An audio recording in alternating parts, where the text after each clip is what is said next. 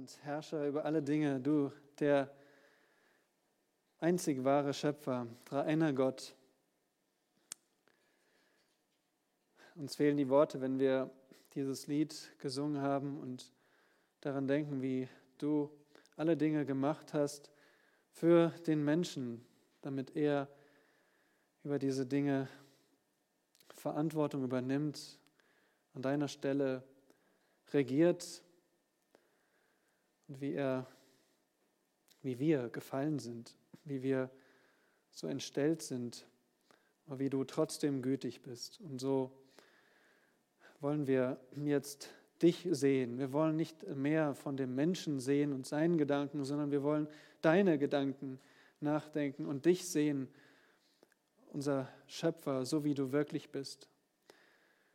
Und so bitte hilf uns auch durch diesen Text dein Wesen zu sehen und deine Gerechtigkeiten. Und hilf uns, die richtigen Schlüsse zu ziehen. Und selbst dafür brauchen wir deine Hilfe. So bitte wirke durch deinen Heiligen Geist, durch dieses Wort in mir, in uns allen, die wir hier sind, aber auch in Zuhörern und Zuschauern, unseren Geschwistern, solche, die wir gar nicht kennen, die jetzt übers Internet mit dem folgen. Bitte gebrauche du dein Wort, denn es ist ungebunden und es vermag zu retten, es vermag zu ermutigen, es vermag uns eine ganz neue Perspektive zu geben, uns umzugestalten, zu verändern.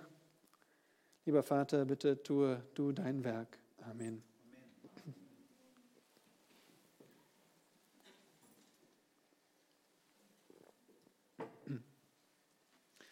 Schon wieder dasselbe.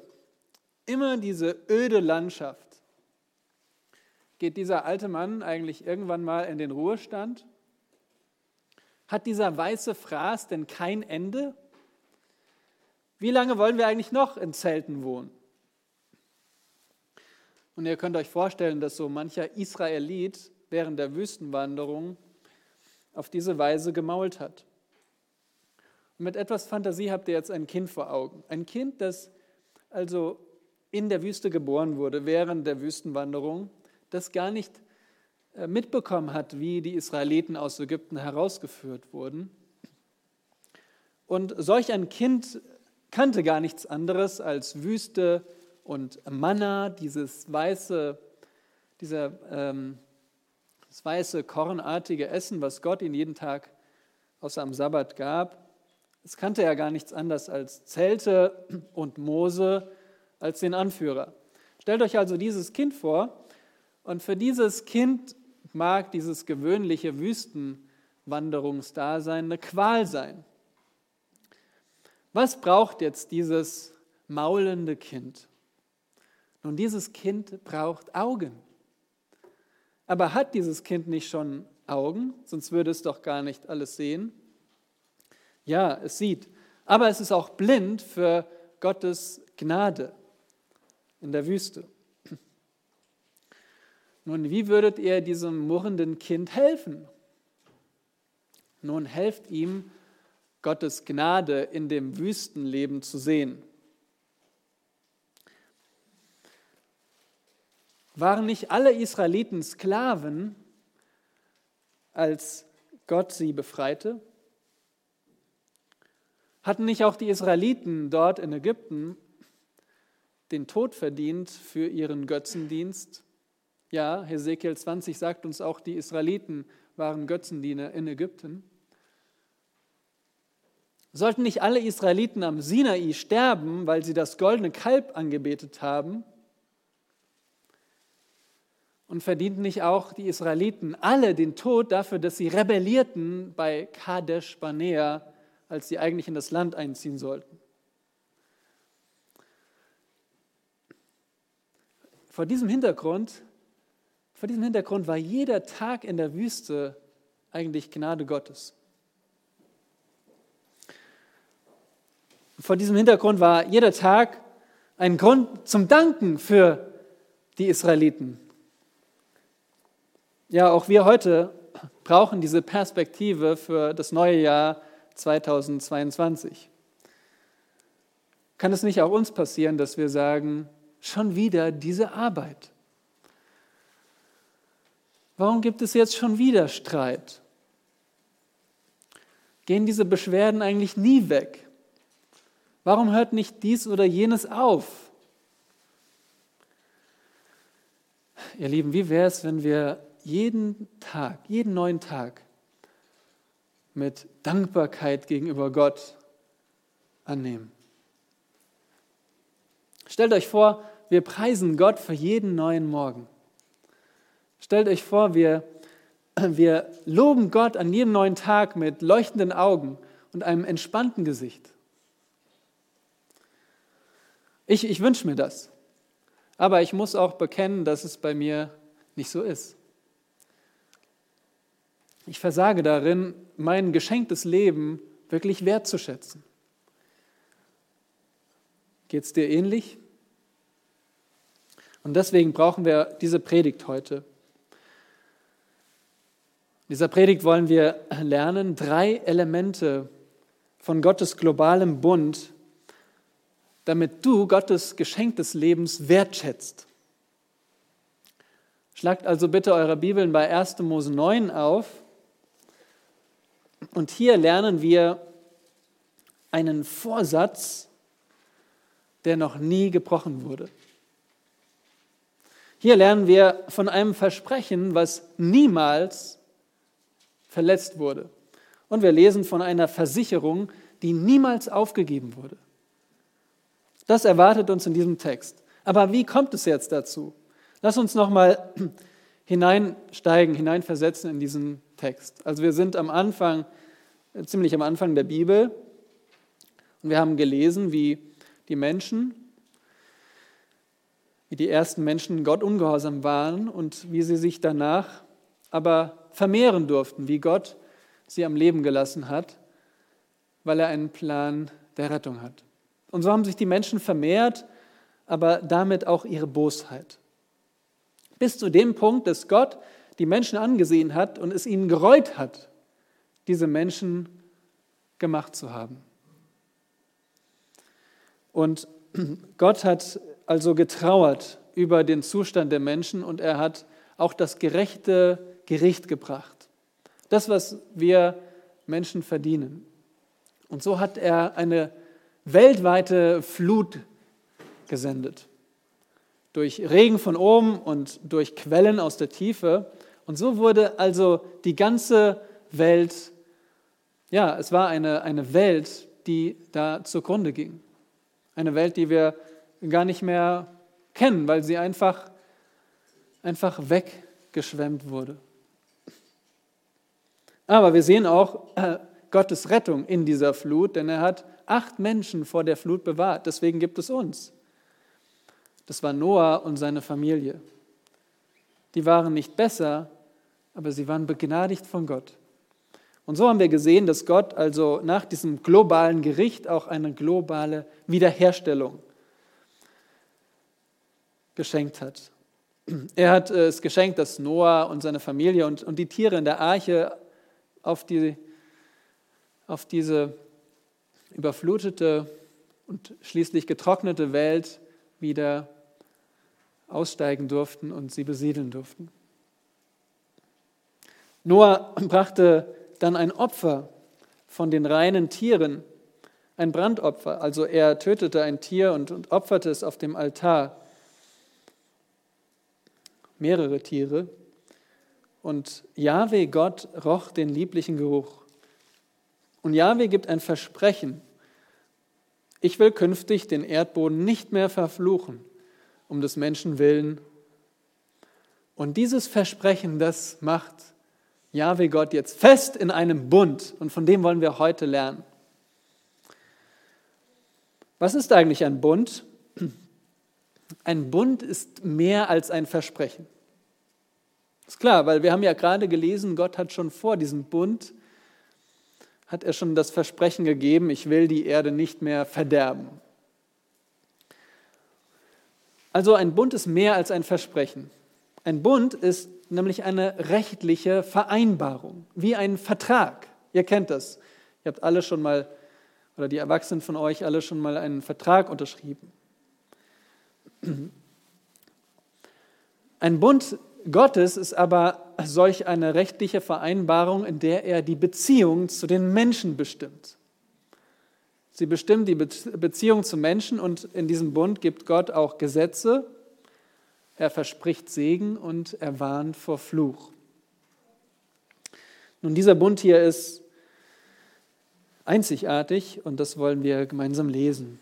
In 1. Mose 9, Verse 1 bis 17 lesen wir Gottes Wort. Und Gott segnete Noah und seine Söhne und sprach zu ihnen, Seid fruchtbar und mehrt euch und erfüllt die Erde.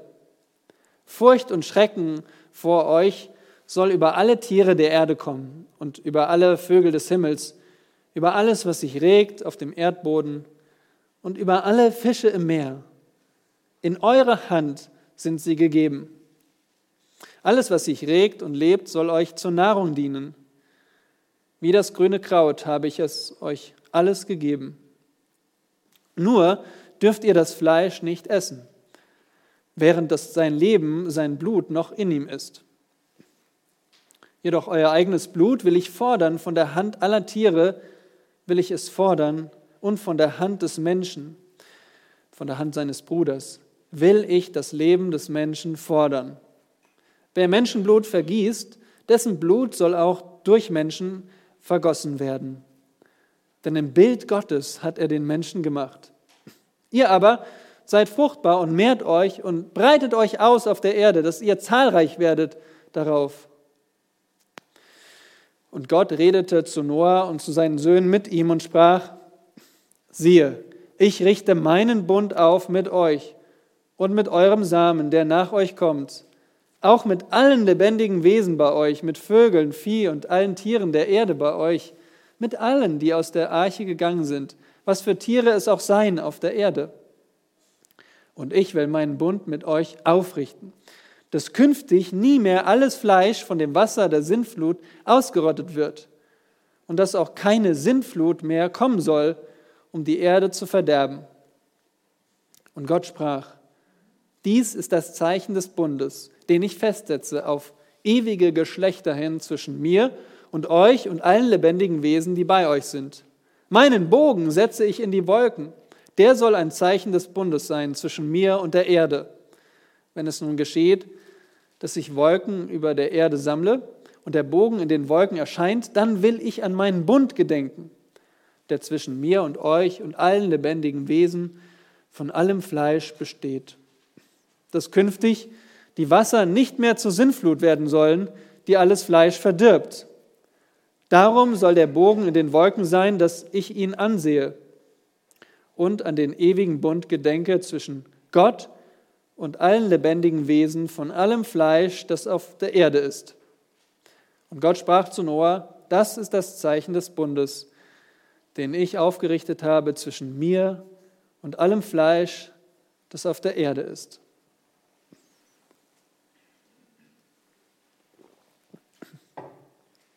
Wir wollen uns also ansehen, diese drei Elemente des globalen Bundes Gottes, damit du Gottes Geschenk des Lebens wertschätzt. Was ist das erste Element des Bundes? Das finden wir in den Versen 1 bis 7. Das erste Element des Bundes ist das Ziel des Bundes. Und das ist Leben. Das Ziel des Bundes ist Leben.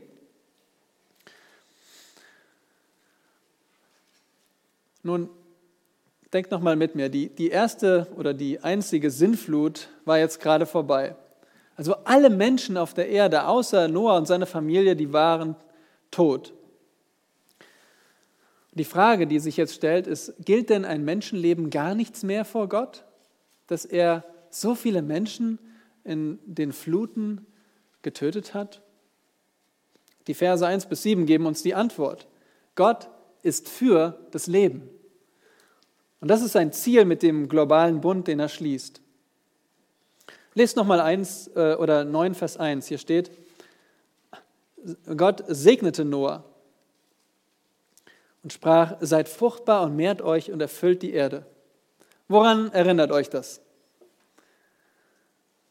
vermutlich an den Anfang, an die Schöpfung, wo es in Kapitel 1 heißt, dass Gott den Menschen schuf. Und dann in Kapitel 1, das lesen wir hier in Vers 28, und Gott segnete sie und Gott sprach zu ihnen, seid fruchtbar und mehrt euch und füllt die Erde. Genau dasselbe sagt er jetzt hier dem Noah. Und das ist wie so ein, ein Licht, das angeht in der Dunkelheit. Gott segnete Noah und seine Söhne. Der Unterschied ist, in Kapitel 1 der Bibel ist die Schöpfung noch sehr gut. Aber hier in Kapitel 9 haben wir es mit sündigen Menschen zu tun. Gott segnete Noah. Wisst ihr noch, was segnen bedeutet? Segnen bedeutet bereichern. Also es bedeutet Fruchtbarkeit schenken und Wachstum bewirken. Und das kommt von Gott. Und das war die Voraussetzung, dass sie überhaupt sich auch auf der Erde mehren konnten. Ohne Gottes Segen werden sie nicht die Erde füllen.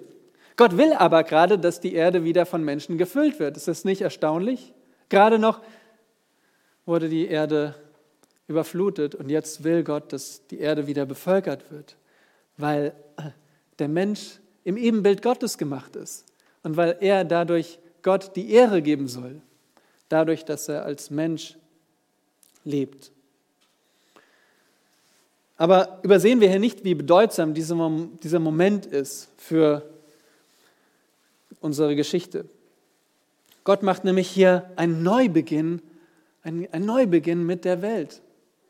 So vieles in diesem Text erinnert uns an die Schöpfung in 1. Mose 1. Zum Beispiel der Segen Gottes oder der Auftrag, sich zu vermehren oder die Aufzählung der verschiedenen Tiere. Das Vieh oder die wilden Tiere oder die Vögel und die Fische, die Erlaubnis auch von, von vielen Dingen zu essen. Aber eine Ausnahme finden wir auch hier, genau wie im Garten Eden. Und der Verweis auf das Bild Gottes. Also so viel erinnert uns an die Schöpfung. Aber wir sehen auch in Vers 2 in unserem Text, dass es nicht dasselbe ist wie die Schöpfung. Noah lebt nicht im neuen Paradies. Seht ihr hier in Vers 2, wie es anfängt? Furcht und Schrecken vor euch soll über alle Tiere der Erde kommen. Wozu? Damit sich die Menschen ausbreiten können. Damit nicht die Menschen von den Tieren aufgefressen werden. Wie gegensätzlich ist das zur ursprünglichen Welt? Habt ihr noch dieses Bild vor Augen? Adam, Adam ist im Garten Eden und Gott bringt die Tiere zu ihm. Und was macht Adam? Er benennt die Tiere, er gibt ihnen Namen. Das ist ein Bild der Harmonie zwischen dem Mensch und dem Tier. Aber hier sehen wir, die, Gott bringt Furcht und Schrecken über die Tiere. Vor wem fürchten sie sich? Vor dem Menschen. Und so sehen wir, dass Gott hier eine neue Ordnung für eine gefallene Welt aufrichtet. Es ist nicht das neue Paradies. Nun, was ist noch neu? Wir sehen das in Vers 3. Alles, was sich regt und lebt, soll euch zur Nahrung dienen. Was durften die Menschen am Beginn der Schöpfung, also nach der Schöpfung, essen? Von allem grünen Kraut. Dieses Wort finden wir auch hier, wie das grüne Kraut. Jetzt erlaubt Gott den Menschen nicht nur Pflanzen zu essen, nicht nur vegetarisch zu leben, sondern auch Tierfleisch zu essen. Und achtet darauf, wie er sagt, alles, was sich regt. Nun, gerade in unserer Zeit kann das sehr negativ aufstoßen. So in den letzten Monaten und Jahren ist doch mir aufgefallen, dass Tiere, Tierfleisch zu essen, eher negativ behaftet ist. Ist das nicht überholt? Ist das nicht klimaschädlich? Ist das nicht ausbeutend und tierunfreundlich? Und wir könnten äh, durch unsere Zeit geprägt auch so ein, mit, so einem mit so einer negativen Brille an diesen Text herangehen und sagen, wie kann das nur sein? Aber Überseht bitte nicht die, den Ausdruck der Güte Gottes hier. Das ist wie, wie am Anfang, wo Gott sagt, ihr könnt von allem essen, von allen Bäumen. So sagt Gott hier, ihr könnt von allen Tieren essen. Ein Ausdruck seiner Güte. Vielleicht als Randnotiz, vielleicht ist es auch so gewesen, dass Gott durch die Sinnflut auch eine ganze Reihe von Pflanzen vernichtet hat, die es seitdem nicht mehr gab. Und es gerade gut war für den Menschen und auch noch gut ist, dass er zu seiner pflanzlichen Kost auch Fleisch hinzunimmt. Dass Gott also den Menschen dadurch gerade auch gute Elemente zuführte. Wie dem auch sei, Gott gibt die Erlaubnis und sagt, ihr dürft von allem essen. Aber eine Ausnahme, schaut in Vers 4, nur dürft ihr das Fleisch nicht essen, während sein Leben, sein Blut noch in ihm ist. Blut ist bekanntlich der Lebenssaft, wird er auch bezeichnet. Lebenssaft. Und so sehen wir es auch hier in diesem Vers. Schaut mal in eure Bibeln. Seht ihr, wie es heißt, sein Leben, sein Blut? Sein Leben, sein Blut. Also Leben wird mit Blut gleichgesetzt. Das verstehen wir. Ohne Blut gibt es kein Leben. Wir können nicht ohne Blut leben und es ist gerade pulsierendes Blut ist für uns Merkmal des Lebens. Nun, warum sagt Gott hier, ihr dürft das Fleisch nicht mit Blut essen? Gott geht es hier nicht um verschiedene Garstufen. Er will uns nicht vorschreiben, ob bleu oder medium oder well done. Nein, wisst ihr, worum es Gott geht? Ihm geht es um den Respekt vor dem Leben. Das Blut steht für das Leben und die Menschen, Noah, und seine Nachkommen, wir sollen das Leben respektieren. Überheblich Tiere quälen verunehrt Gott. Oder gleichgültig Tiere zu töten, das verachtet Gott. Oder respektlos Tiere verzehren, während sie noch verbluten, beleidigt den Geber des Lebens. Das machen Raubtiere. Die fressen ihre Beute, während sie noch blutet, aber nicht Menschen. Bei aller Erlaubnis, auch Tierfleisch zu essen, geht es Gott darum, das Leben zu respektieren, weil Leben kommt von ihm. Und das war auch für die Empfänger, ihr wisst, wer diese fünf Bücher Mose empfing, nämlich die Israeliten, für die war das auch wichtig. Das bereitete sie vor auf den Bund am Sinai. Und dort erklärte nämlich Gott das Blut von Tieren als Mittel zur Sühnung, als Mittel, um die, den Zorn Gottes zu befriedigen. Das Blut steht für das Leben. Und damit warnt Gott jetzt davor, Menschen zu töten. Das finden wir in Vers 5. Gott sagt hier, seht ihr das in diesem Vers, dreimal spricht er von, ich will fordern. Gott sagt, ich fordere euer Blut.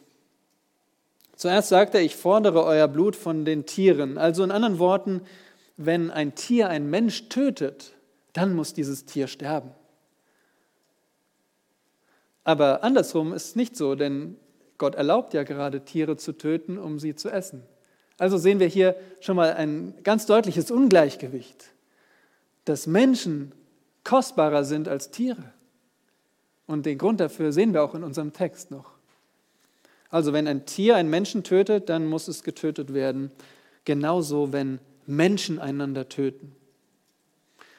Das steht hier weiter in dem Vers. Und von der Hand des Menschen, von der Hand seines Bruders, will ich das Leben des Menschen fordern. Ist das nicht interessant, wie Gott hier von einem Bruder spricht? Woran erinnert euch das? An Kain und Abel, genau. Erste, das erste Brüderpaar hat sich, äh, da hat der eine den anderen umgebracht. Und ist das nicht interessant? Gott sieht also alle Menschen in gewisser Weise wie Geschwister an. Ja, wir wissen, äh, es gibt nochmal einen Unterschied, ob wir an Gott glauben oder nicht. Und wir nennen uns geistliche Geschwister. Aber in einem gewissen Sinn sind wir alle Geschwister, sagt uns dieser Text. Jeder Mensch ist unser Bruder und unsere Schwester, weil jeder Mensch hat Leben von Gott bekommen. Und wenn wir dieses Leben angreifen, dann greifen wir Gott als Geber des Lebens an. Und Gott fordert das Blut von dem Mörder. Warum ist das Gott so wichtig? Nun denkt daran, er hat gerade eine ganze Welt vernichtet, weil sie von Frevel, von Gewalttat erfüllt war. Und diese Gebote sind Gottes Maßnahme, um, um durch die Furcht vor Strafe die Gewalttat einzudämmen. Dass die Menschen sich fürchten, bloß nicht so etwas zu tun und einen anderen Menschen umzubringen, weil sie dann selbst sterben müssen. Und das steht in Vers 6. Wer Menschenblut vergießt, dessen Blut soll auch durch Menschen vergossen werden. Aber hieß es eben nicht noch, ich will fordern, sagt Gott? Ja, Gott fordert das Leben des Mörders, aber er tut es durch Menschen. Wer sind denn diese Menschen? Wer hat denn das Recht, einen Mörder zur Verantwortung zu ziehen? Nun, hier geht es nicht um persönliche Rache. Also, wir dürfen nicht einfach hingehen und selbst Selbstjustiz üben. Das ist hier nicht gemeint. Wir haben ja nicht nur die ersten neun Kapitel der Bibel, sondern wir haben einen ganzen Ratschluss. Und wir lernen, dass Gott über die Menschen Autoritäten eingesetzt hat, die sein Gericht ausüben. Wir denken an, Römer 13, wo es heißt, dass Gott der Regierung das Schwert gegeben hat, um sein Zorngericht auszuführen. Also bringen wir das zusammen. Das heißt ja also, wenn jemand vorsätzlich mordet, für diesen Fall ordnet Gott an, dass Gottes Repräsentanten die Todesstrafe an Mördern ausführen. Denn hier steht ja durch Menschen. Und wer repräsentiert Gottes Autorität? Das ist die Obrigkeit, die Regierung. Gott erlaubt also nicht persönliche Rache, aber er setzt die regelgerechte Todesstrafe ein. Wozu? Damit Menschen sich fürchten, einander umzubringen. Und warum? Warum ist das so, so eine große Sache? Schaut in Vers 6 denn im Bild Gottes hat er den Menschen gemacht. Im Bild Gottes. In anderen Worten, Menschen sind wie Gott. In ihrer, in ihrer Persönlichkeit, in, ihrer, in ihrem Verstand, in ihrem Willen, in ihren Gefühlen. All das, was einen Menschen ausmacht, eine menschliche Person, das das haben wir nicht von irgendwoher, sondern von Gott. Und deswegen greift es Gott an, wenn ein Mensch einen anderen vorsätzlich ermordet. Das ist interessant und ermutigend, dass der gefallene Mensch immer noch im Bild Gottes ist. Das Bild Gottes ist nicht verloren gegangen. Und deswegen ist jedes Menschenleben kostbar. In Vers 7 schließt diese Klammer dieser ersten Rede. Da lesen wir schon wieder den Auftrag. Ihr aber seid fruchtbar und mehrt euch und breitet euch aus auf der Erde, dass ihr zahlreich werdet darauf. Statt Leben zu nehmen, sollen wir Leben geben. Und Gott freut sich, wenn Noah und seine Söhne Kinder haben und sich vermehren. Ist das nicht schön zu sehen, was Gottes Ziel ist nach der Flut? Er sagt nicht, werdet doch alle besser tot. Er sagt auch nicht, ja, vermehrt euch und tut's wieder so schlimm wie vorher und bringt euch alle gegenseitig um. Nein, er sagt, er, er setzt diese Gebote ein, um das, das Leben zu respektieren und zu achten und zu wertzuschätzen. Ich denke da zum Beispiel an die, als Vorbild an die Hebammen in Ägypten. Ja, diese, diese mutigen Frauen, die vom Pharao, dem König, das, den Befehl gekommen, bekommen haben, dass sie alle neugeborenen hebräischen Jungen in den Nil werfen sollten. Aber wisst ihr, sie haben, sie haben das Leben wertgeschätzt. Sie haben das Leben als kostbar angesehen und haben, waren nicht gehorsam, haben nicht dem Pharao Gehorsam geleistet. Und so gab es in der Geschichte immer wieder mutige Menschen, die für das Leben eingestanden sind. Und wir sollen es genauso tun. Also das Ziel des globalen Bundes hier ist Leben. Und das ermutigt uns. Gott schätzt das Leben. Gott schützt das Leben. Gott tritt für das Leben ein. Und wir sollten ihm dafür danken, dass er für das Leben ist. Aber das nimmt uns auch in die Pflicht. Wir fragen uns, was ist zeitlos in diesem Text? Wir wissen zum Beispiel, wir denken vielleicht jetzt, oder vielleicht denkt ihr jetzt äh, ans Essen. Man denkt vielleicht, äh, okay, was, was darf ich denn jetzt noch essen? Darf ich jetzt noch Blut essen oder nicht essen? Nun, wir wissen, Gottes Geschichte ging weiter und dem Volk Israel gab er dann Speisegebote und sie durften wirklich eine ganze Reihe von Tieren nicht essen. Und später der Herr Jesus erklärt alle Speisen für rein. Aber es geht darum, dass wir das Gewissen des anderen nicht, äh, nicht verletzen. Aber das ist hier nicht der, der Hauptpunkt in diesem Abschnitt. Es geht nicht ums Essen primär. Es geht hier darum, dass wir das Leben achten und wertschätzen. Und ihr sagt vielleicht, naja, ich bin jetzt nicht gerade so geneigt, einen anderen umzubringen. Das ist auch gut so. Aber wisst ihr, was der Herr Jesus sagt in seiner Bergpredigt? Er sagt, ihr habt gehört, du sollst nicht töten.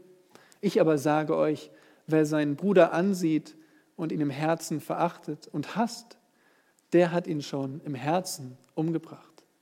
Und ich denke, da sind wir ähm, viel eher angesprochen. Dass wir uns fragen, äh, wen verachten wir gerade? Äh, wo sind wir schnell dabei, über jemanden ärgerlich zu werden? Wen wünschten wir uns am liebsten ganz weit weg oder sogar tot?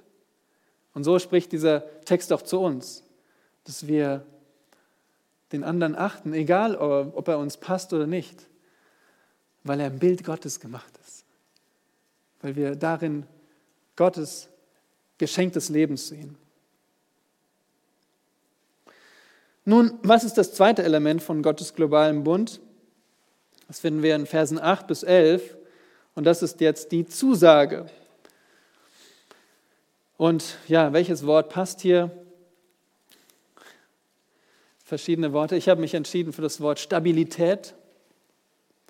Klingt vielleicht so technisch, aber es drückt das aus, was Gott hier uns, auch uns zusagt. Gott gab also Noah und seinen Söhnen Auftrag und Segen. Und damit zeigt Gott die Absicht seines Bundes, nämlich Leben. Aber wenn sie sich mehren und das Leben achten und bewahren, dann erst können sie diesen Bund wirklich schätzen. Ähm, aber, wo, warum, aber worum geht es jetzt eigentlich in diesem Bund? Und es geht um Gottes Zusage, Stabilität. In Vers 8 redet Gott zu Noah und zu seinen Söhnen. Und darum wird dieser Bund auch oft der Bund mit Noah oder der Noah-Bund bezeichnet.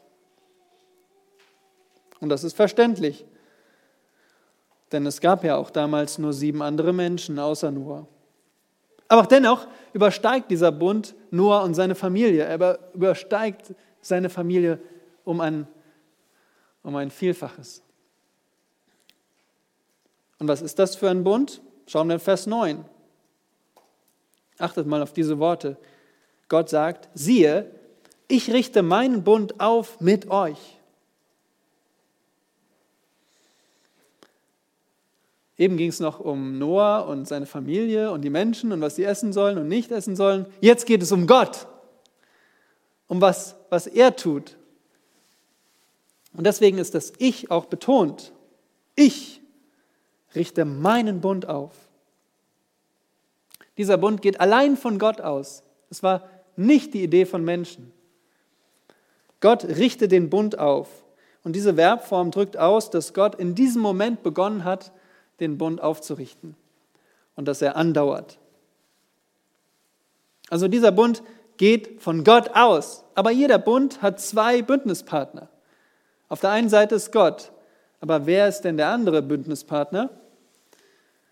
Nun, hier steht es Noah und seine Söhne und alle ihre Nachkommen. euch und mit eurem Samen, eure Nachkommen. Und, Vers 10, mit allen lebendigen Wesen bei euch. Alle Vögel, alles Vieh, alle Tiere auf der Erde, alles, was aus der Arche gegangen ist, was es für Tiere auch sind. Seht ihr, wie Gott also sich Mühe gibt zu betonen, dass jede Art von Tier eingeschlossen ist, die auf der Erde lebt. Und deswegen nenne ich es auch Gottes globalen Bund. Gottes globaler Bund, der wirklich alle mit einschließt.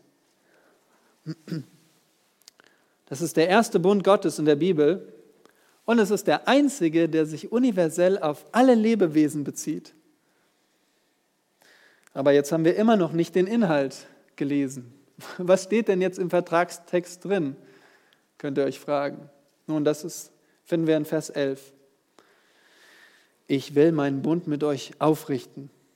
Nochmal sagt Gott, dass er den Bund aufrichtet. Hier in dieser Verbform sehen wir Gottes Entschlossenheit. Und wozu hat er sich entschlossen? Nie mehr alles Fleisch von dem Wasser der Sintflut auszurotten. Und um es zu bekräftigen, sagt Gott es nochmal in anderen Worten. Und dass auch keine Sintflut mehr kommen soll, um die Erde zu verderben. Hier steht in unseren Bibeln dieses markante Wort Sintflut. Und wir haben es letzte Mal erklärt, Sintflut bedeutet einfach große Flut. Also man ist einfach ein anderes Wort als Flut. Eins, das sich abhebt von jeder Art von Überschwemmung und Flut, die es irgendwie gegeben hat oder geben kann. Die Sintflut war die große Flut, die weltweite Flut. Ja, Wasser auf, der ganzen, auf dem ganzen Globus. Das haben wir in Kapitel 7 und 8 gesehen. Dass alle Berge bedeckt wurde, dass wirklich kein Fleckchen trockene Erde mehr übrig war auf der ganzen Erde. Das ist die Sintflut. Und Gott verspricht jetzt, keine Sintflut mehr zu bringen. Das schließt natürlich lokale Überflutungen nicht aus. Und letztes Jahr gab es in Deutschland auch verheerende Überschwemmungen. Und ihr habt vielleicht noch Bilder aus den Nachrichten im Kopf. Und diese Überschwemmungen sind natürlich tragisch. Und sie Sie erinnern uns daran, dass wir ohnmächtig sind vor Naturgewalten, vor Gott, der darüber thront. Aber jede örtliche Flut ist gering im Gegensatz zu der Sinnflut, die es gegeben hat und die Gott sei Dank es nur einmal geben wird. Denn Gott verspricht nie mehr solch eine globale Flut zu bringen. Okay, um das zu verstehen, müssen wir nochmal innehalten und uns fragen, warum gab es denn diese Sintflut? Schaut einmal in Kapitel 6, Vers 5. Kapitel 6, Vers 5 sagt der Text, als aber Jahwe sah, dass die Bosheit des Menschen sehr groß war auf der Erde und alles Trachten der Gedanken seines Herzens allezeit nur böse, da reute es Jahwe das er den Menschen gemacht hatte auf der Erde, und es betrübte ihn in seinem Herzen.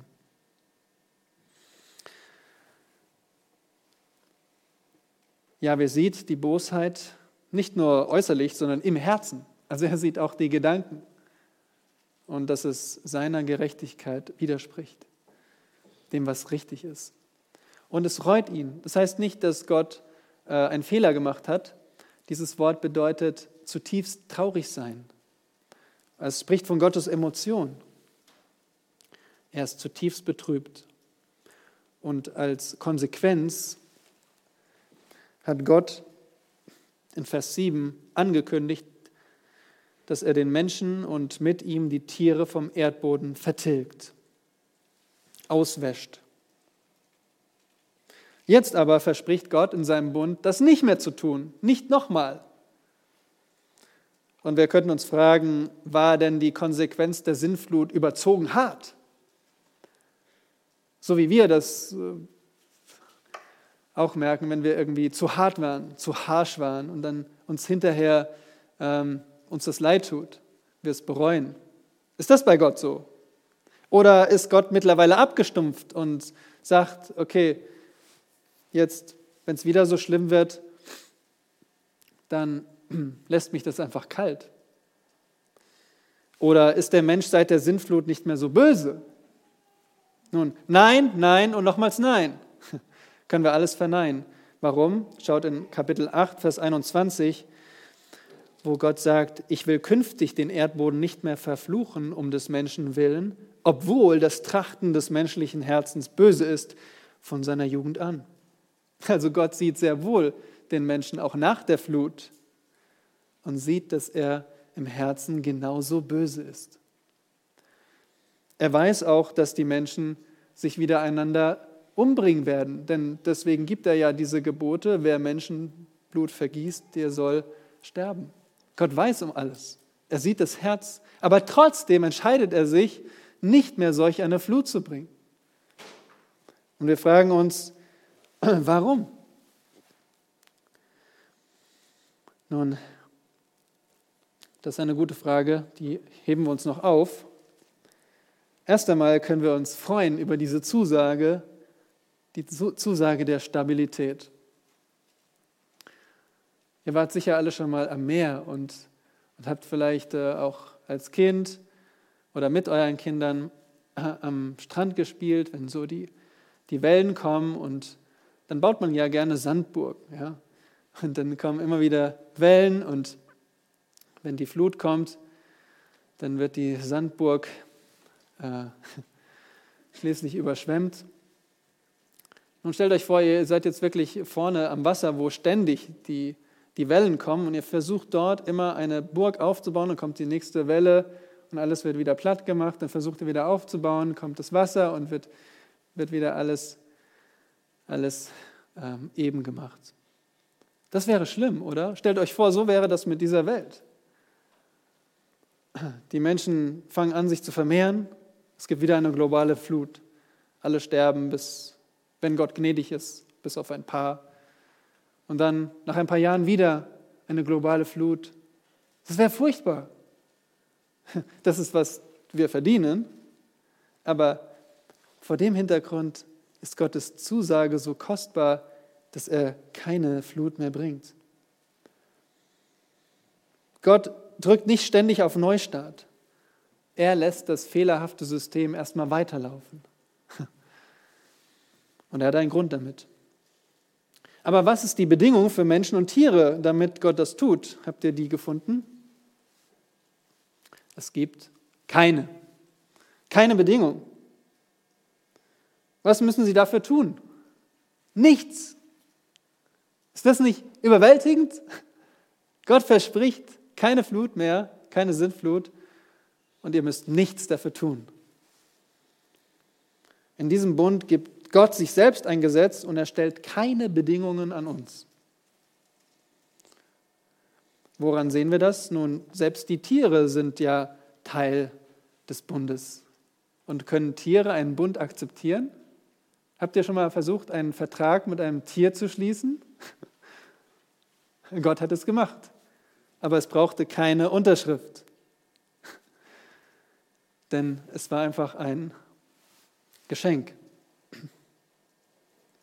Und das zeigt, wie bedingungslos dieser Bund ist. Es zeigt, dass unsere Erde, in der wir jetzt leben, ein Denkmal der Gnade Gottes ist. Und ob ihr das euch so bewusst macht, ob ihr es vielleicht sogar zum ersten Mal hört. Egal, ihr rechnet damit. Ihr rechnet damit. Ihr habt einen Kalender. Ihr macht euch Pläne. Ihr habt vielleicht Pläne für den Sommer. Ihr erwartet, dass nach, dem, nach der Nacht ein neuer Morgen kommt. All das, wisst ihr, was der Grund ist? Gottes Bund mit uns dass er diese Welt erhält. Das ist sein Geschenk des Lebens. Und das ist mein Anliegen in dieser Predigt, dass wir das Gewöhnliche wertschätzen. Das Leben, was Gott uns jetzt gibt. Denn das ist eigentlich ein Wunder. Ja, wir sind mittendrin in diesem Bund, denn hier steht ja Noah und eure Nachkommen. mit euch richte ich diesen Bund auf. Also du bist Bündnispartner Gottes. Du hast Teil daran. Und die Frage an dich ist, siehst du jeden neuen Tag als ein Wunder an? Als ein Wunder, dass Gott dir und allen Menschen um dich herum das Leben schenkt. Und die folgende Frage ist dann, betest du Gott bewusst dafür an? Dankst du ihm für das Geschenk des Lebens? Nun, was ist das dritte Element von Gottes globalen Bund? Und jetzt wird es anschaulich, nämlich das ist das Zeichen, das Zeichen der Regenbogen. Versen 12 bis 17. Gott, der ewig Treue, hat sein Wort gegeben, nie wieder Sintflut. Und jetzt drückt er sein Siegel auf diesen Bund und setzt den Regenbogen als sein öffentliches Zeichen ein.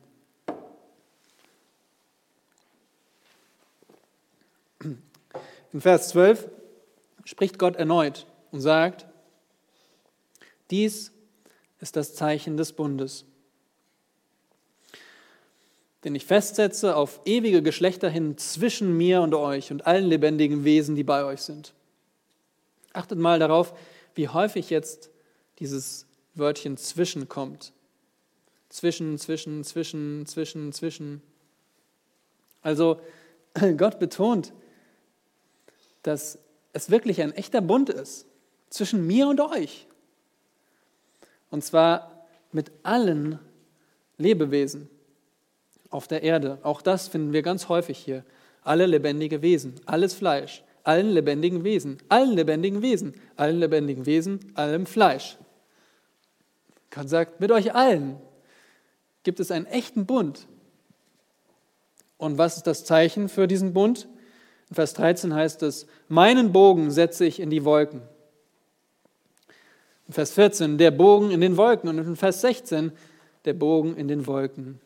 Der Bogen in den Wolken, was ist das? Der Regenbogen. Und was braucht man für einen Regenbogen? Man braucht Regen und Sonnenlicht. Und dabei darf die Sonne nicht zu hoch stehen, ich habe mich erinnert, wann ich das letzte Mal einen sah und ich habe ein Bild gemacht. Das habe ich euch mitgebracht, falls das sich anzeigen lässt. Genau, es war auf dem Heimweg von der Arbeit, sah ich diesen schönen Regenbogen. Und das hat mich gleich erfreut nach dem Arbeitstag und, und den Gedanken, die man noch daran hat, an, an manche Schwierigkeit dann auf einmal so einen Regenbogen zu sehen. Es hatte gerade geschauert und dann sah man ihn. Und das Interessante war, ich war nicht der Einzige, dem das aufgefallen ist. Auch andere Menschen, die auf die S-Bahn warten, die gingen auf den Regenbogen zu, zückten ihr Handy, machten ein Bild, so wie ich. Ja, weil wir alle noch, noch ähm, das ist in uns drin, dass wir diesen Regenbogen schön finden dass wir ihn uns gerne ansehen, dass wir ihn als etwas Besonderes sehen, etwas, das wert ist, fotografiert und, und dann geteilt, äh, das wert ist, fotografiert zu werden und dann zu teilen, digital. Nun, wie entsteht der Regenbogen? Es ist eine Wolke von vielen Wassertröpfchen, die also dann dort vorne am Horizont immer noch ist und das Sonnenlicht von hinten strahlt da drauf und es wird dort zweimal gebrochen und einmal reflektiert in den Wassertröpfchen. Und so spaltet sich das Licht auf in seine Anteile, in seine Farbanteile und dieser wunderbare Regenbogen ist zu sehen. Und das ist interessant, weil gerade die Wolken, die ja den Regen brachten und die Sintflut antrieben, diese Wolken sind jetzt der, äh, der Hintergrund, vor dem Gottes Zeichen erscheint, dass er keine Sintflut mehr bringt. Nun, gab es den Regenbogen nicht vorher schon? Vermutlich ja. Gab es auch schon vor der Sintflut. Es gab schon Sonne und es gab auch Wassertröpfchen. Aber das ist auch nicht so wichtig. Jetzt beansprucht Gott diesen Bogen für sich. Er sagt, das ist mein Bogen. Und er legt die Bedeutung fest, nicht die Menschen. Nun, für wen ist dieses Zeichen gedacht? Ich meine, wir betrachten gerne den Regenbogen und beziehen es schnell auf uns. So schön, dass ich den Regenbogen sehen darf. Aber achtet mal auf den Text. Hier steht zum Beispiel in Vers 16, darum soll der Bogen in den Wolken sein, dass ich ihn ansehe. Gott will ihn ansehen. Es ist ein Zeichen für ihn. Warum braucht Gott ein Zeichen? Nun, er verspricht, an seinen ewigen Bund zu denken. Dass ich ihn ansehe und an den ewigen Bund gedenke zwischen Gott und allen lebendigen Wesen. Hier ist dasselbe Wort wie schon in Kapitel 8, Vers 1. Dort heißt es, inmitten der Flut, da gedachte Gott an Noah. Und wir haben erklärt, dieses Wort Gedenken bedeutet nicht, dass Gott etwas wieder in den Sinn gekommen ist, dass er sich erinnert hat. Ach, da war ja noch jemand in diesem Boot. Nein, dass er gedenkt an Noah, dass er an seinen Bund gedenkt, bedeutet, dass er ihn ausführt, dass er ihn aktiv ausführt. Und obwohl Gott keine Erinnerung braucht, sagt er, wenn ich diesen Bogen sehe, und er sieht ihn bestimmt häufig am Tag auf der ganzen Welt, dann werde ich meinen Bund ausführen. Dann werde ich aktiv diese Welt erhalten, ihr Stabilität bewahren, damit überhaupt Menschen auf ihr weiterleben können. Und das ist wirklich beeindruckend. Jedes Mal, wenn dieser Bogen erscheint, bewahrt Gott diese Erde neu vor einer Sinnflut. Und er setzt diesen Bogen in die Wolken, um öffentlich Rechenschaft zu geben. Denn immer wenn der Bogen erscheint, können wir sagen, Gott, denk daran, du wirst die Erde nicht durch eine Sinnflut vernichten. Und dieser Bund gilt für immer. Es ist ein ewiger Bund. Schließlich in Vers 17 fasst Gott nochmal zusammen, jeder Regenbogen in den Wolken zeugt von Gottes Bund, den er aufgerichtet hat. Hier haben wir das dritte Mal das Wort aufrichten. Und hier steht es in einer Verbform, die zeigt, dass äh, Gott die Initiative ergriffen hat und dass er konsequent ist. Er hat den Bund aufgerichtet. Er hat seine Unterschrift drunter gesetzt. Der Vertrag ist geschlossen. Der Bund steht. Keine Sinnflut mehr. Mit wem? Nun mit allen Lebewesen auf der Erde. Preis den Herrn. Nun, woran denkst du, wenn du den Regenbogen siehst? Nun, ab heute zumindest denkst du an Gottes Versprechen, dass er diese Erde nicht durch eine Sintflut verdirbt. Aber denke bitte auch daran, dass wir eigentlich alle diese gerechte Strafe der Verdammnis verdient haben. Denk auch daran, dass Gott Gnade erweist, dass wir leben. Und denke daran, dass Gott einen Erlösungsplan hat, weswegen er diese Welt erhält. Nun, woran denkst du, wenn du einen Regenbogen auf einer Fahne, einem Hemd oder einem Logo siehst? Nun, bestimmt gab es zu jeder Zeit Menschen, die Gottes Zeichen uminterpretiert haben, dem guten Zeichen eine böse Bedeutung gegeben haben. Aber da du die gute Bedeutung kennst, deswegen bist du in der Pflicht, auch die gute Bedeutung zu verkünden. Und das möchte ich zum Abschluss tun. Kennst du die wahre Bedeutung des Regenbogens? Nun Gott, der alles geschaffen hat, der alles sehr gut gemacht hat, er hat dem Menschen auch ein gutes Gebot gegeben. Aber der Mensch glaubte Gott nicht. Und er suchte seine Erfüllung in dem Ungehorsam gegen seinen Schöpfer. Und Gott vertrieb den Menschen aus seiner Gegenwart, weil er der Mensch sündigte. Gott ließ den Menschen seine bösen Wege gehen. Und seitdem müssen wir sterben. Unsere Vorfahren, die vermehrten sich und mit ihnen auch ihre Bosheit. Sie ließen keinen bösen Weg unentdeckt. Und dann konnte Gott nur noch trauern. In seinem gerechten Zorn vernichtete Gott die frühere Welt durch eine Sinnflut. In seiner Gnade rettete er Noah und seine Familie in einem Schiff. Und mit dieser Familie machte er einen Neuanfang. Er schloss einen, Lebe, er schloss einen Bund mit allen Lebewesen, nie mehr Sintflut. Und der Regenbogen in den Wolken erklärt Gott als Zeichen dafür. Gott wusste auch, dass sich das Herz der Menschen nicht gebessert hat. Auch der gläubige Noah hatte die Neigung zum Bösen an seine Kinder vererbt. Und so haben wir sie immer noch.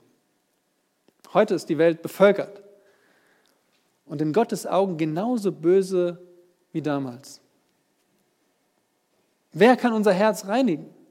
Wer kann unsere Schuld bezahlen? Und die gute Nachricht ist, Gott hat schon immer einen Plan zur Erlösung gehabt. Und deswegen hat er auch die Erde bewahrt.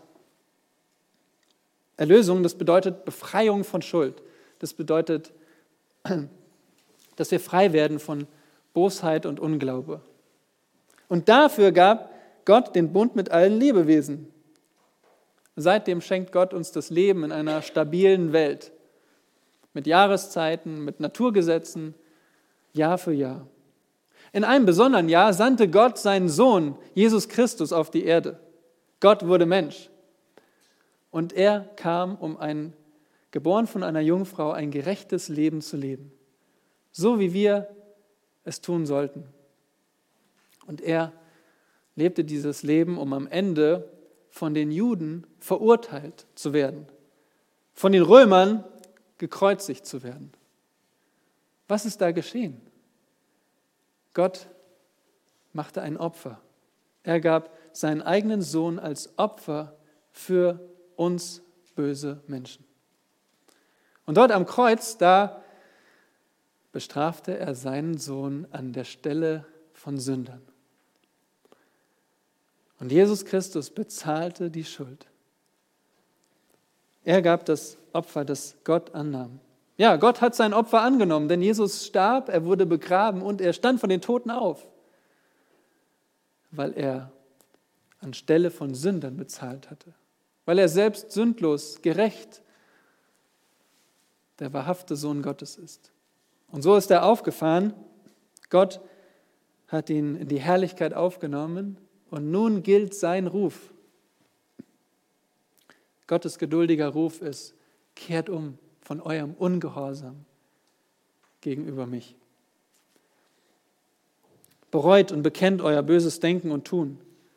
Glaubt an den Erlöser Jesus Christus und gebt ihm euer Leben.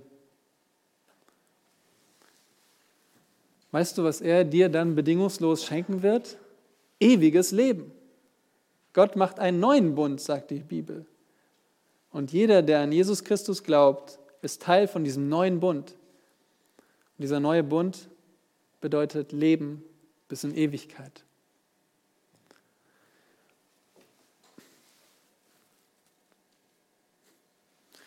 Und heute ist der Tag des Heils. Lass diese Gelegenheit nicht verstreichen, denn sie kommt vielleicht nie wieder. Heute ruft Gott dich, wenn du noch nicht zu ihm umgekehrt bist. Sei gewarnt, dass Gott das gerechte Gericht über Sünder auch bringen wird. Er hat zwar gesagt, dass es keine Sinnflut mehr geben wird, aber die Schrift sagt, dass es einen Tag gibt, wo Gott die ganze Erde im, im Feuer verbrennen wird und eine neue Erde schaffen wird. Nun, wer dann nicht als allein auf Jesus Christus als seinen Erlöser vertraut, wer nicht im Glauben Jesus Christus sein Leben gegeben hat, der wird als Konsequenz das ewige Feuer erfahren. Darum fliehe doch jetzt zum Kreuz. Bekenne ihm deine Schuld. Sag ihm, was du für ein Sünder bist. Sag ihm, dass du das Gericht verdient hast und dass nichts als das Klammern ans Kreuz, an Jesus Christus, dich retten wird vor dem Zorn. Amen. Lass uns beten. Lieber Vater im Himmel, ich danke dir für dein Wort. Danke dir, dass du uns das Leben geschenkt hast, dass du uns mit in diesen Bund hineingenommen hast, auch wenn wir es ja gar nicht wussten und wir unser Leben selbstverständlich angenommen haben, so hast du uns schon mit Gnade beschenkt. Du hast uns unser Leben auch leben lassen, bis wir das Evangelium hörten und du uns mit einem weiteren Bund gesegnet hast, dem neuen Bund, dass jeder, der an den Namen des Sohnes Gottes glaubt, nicht ins Gericht kommt, sondern Leben hat, mit dir Gemeinschaft hat. Lieber Herr, wir bitten dich, dass du auch rettest, wer immer verloren ist, dass du heute rufst. Danke für deine Gnade, dass wir auch jetzt gleich das Mahl des Herrn feiern dürfen und, und das feiern dürfen, dass du, Herr Jesus, dein Leben für uns gegeben hast. Amen.